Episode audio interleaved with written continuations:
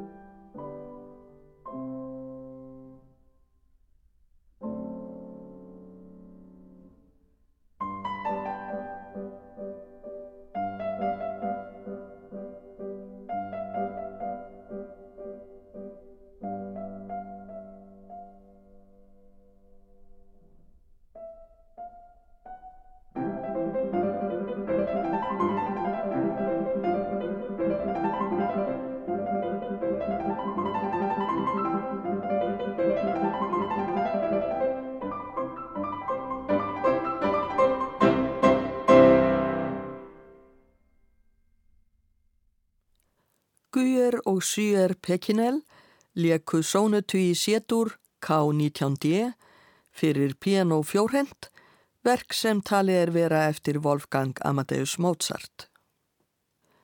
Af frægum tónskáldum er það líklega Franz Schubert sem mest hefur samið fyrir piano fjórhend, en hann samti meir en 30 verk af þessu tægi, bæði stór og lítill.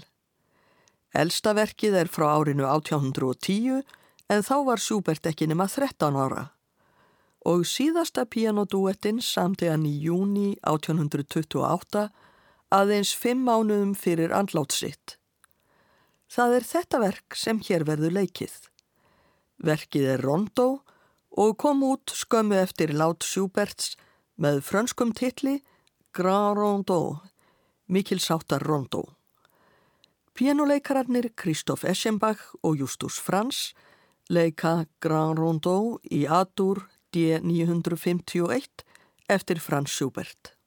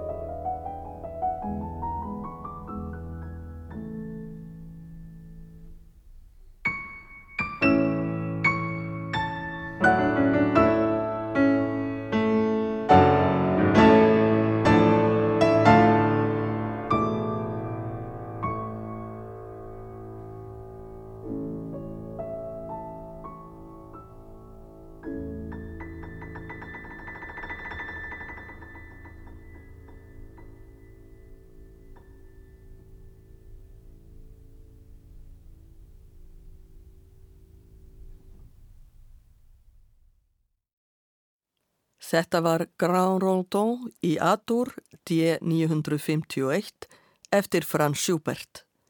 Kristóf Eschenbach og Justus Frans leku fjórhend á piano. Franska tónskaldið Erik Satie fættist 1866 og lést 1925.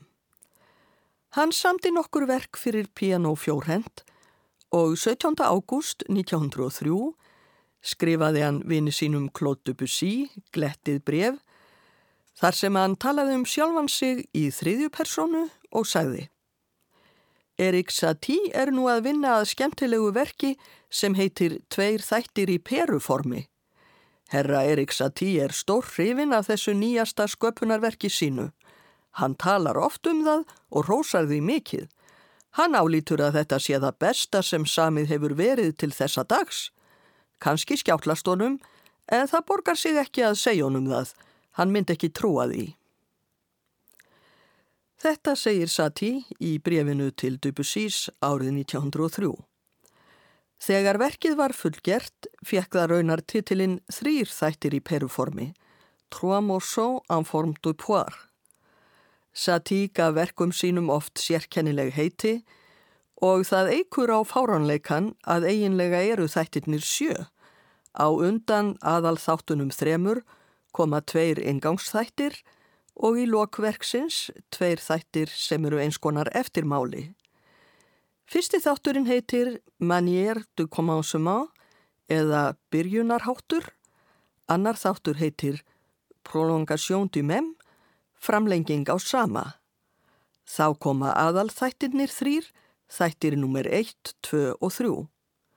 Á eftir þeim kemur þáttur sem heitir En plus, að auki og svo annar sem heitir Rudit, endurtekning.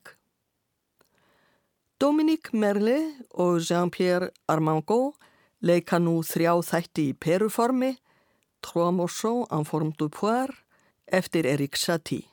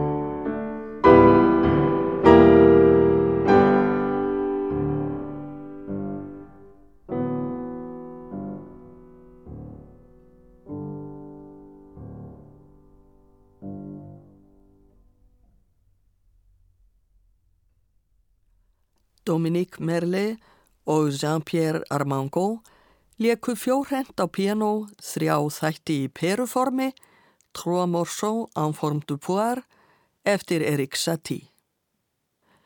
Við ljúkum þessum þætti með stuttum sveitadansi eftir Schubert, hliðstæðu við þann sem leikin var í upphafið þáttarins. En Schubert samti þessa dansa árið 1818 þegar hann var að kenna tveimur litlum greifadætrum á piano, Karolíne og Marie Esterhazy. Enda henda stuttverk fyrir piano fjórhend, mjög vel til pianokenslu.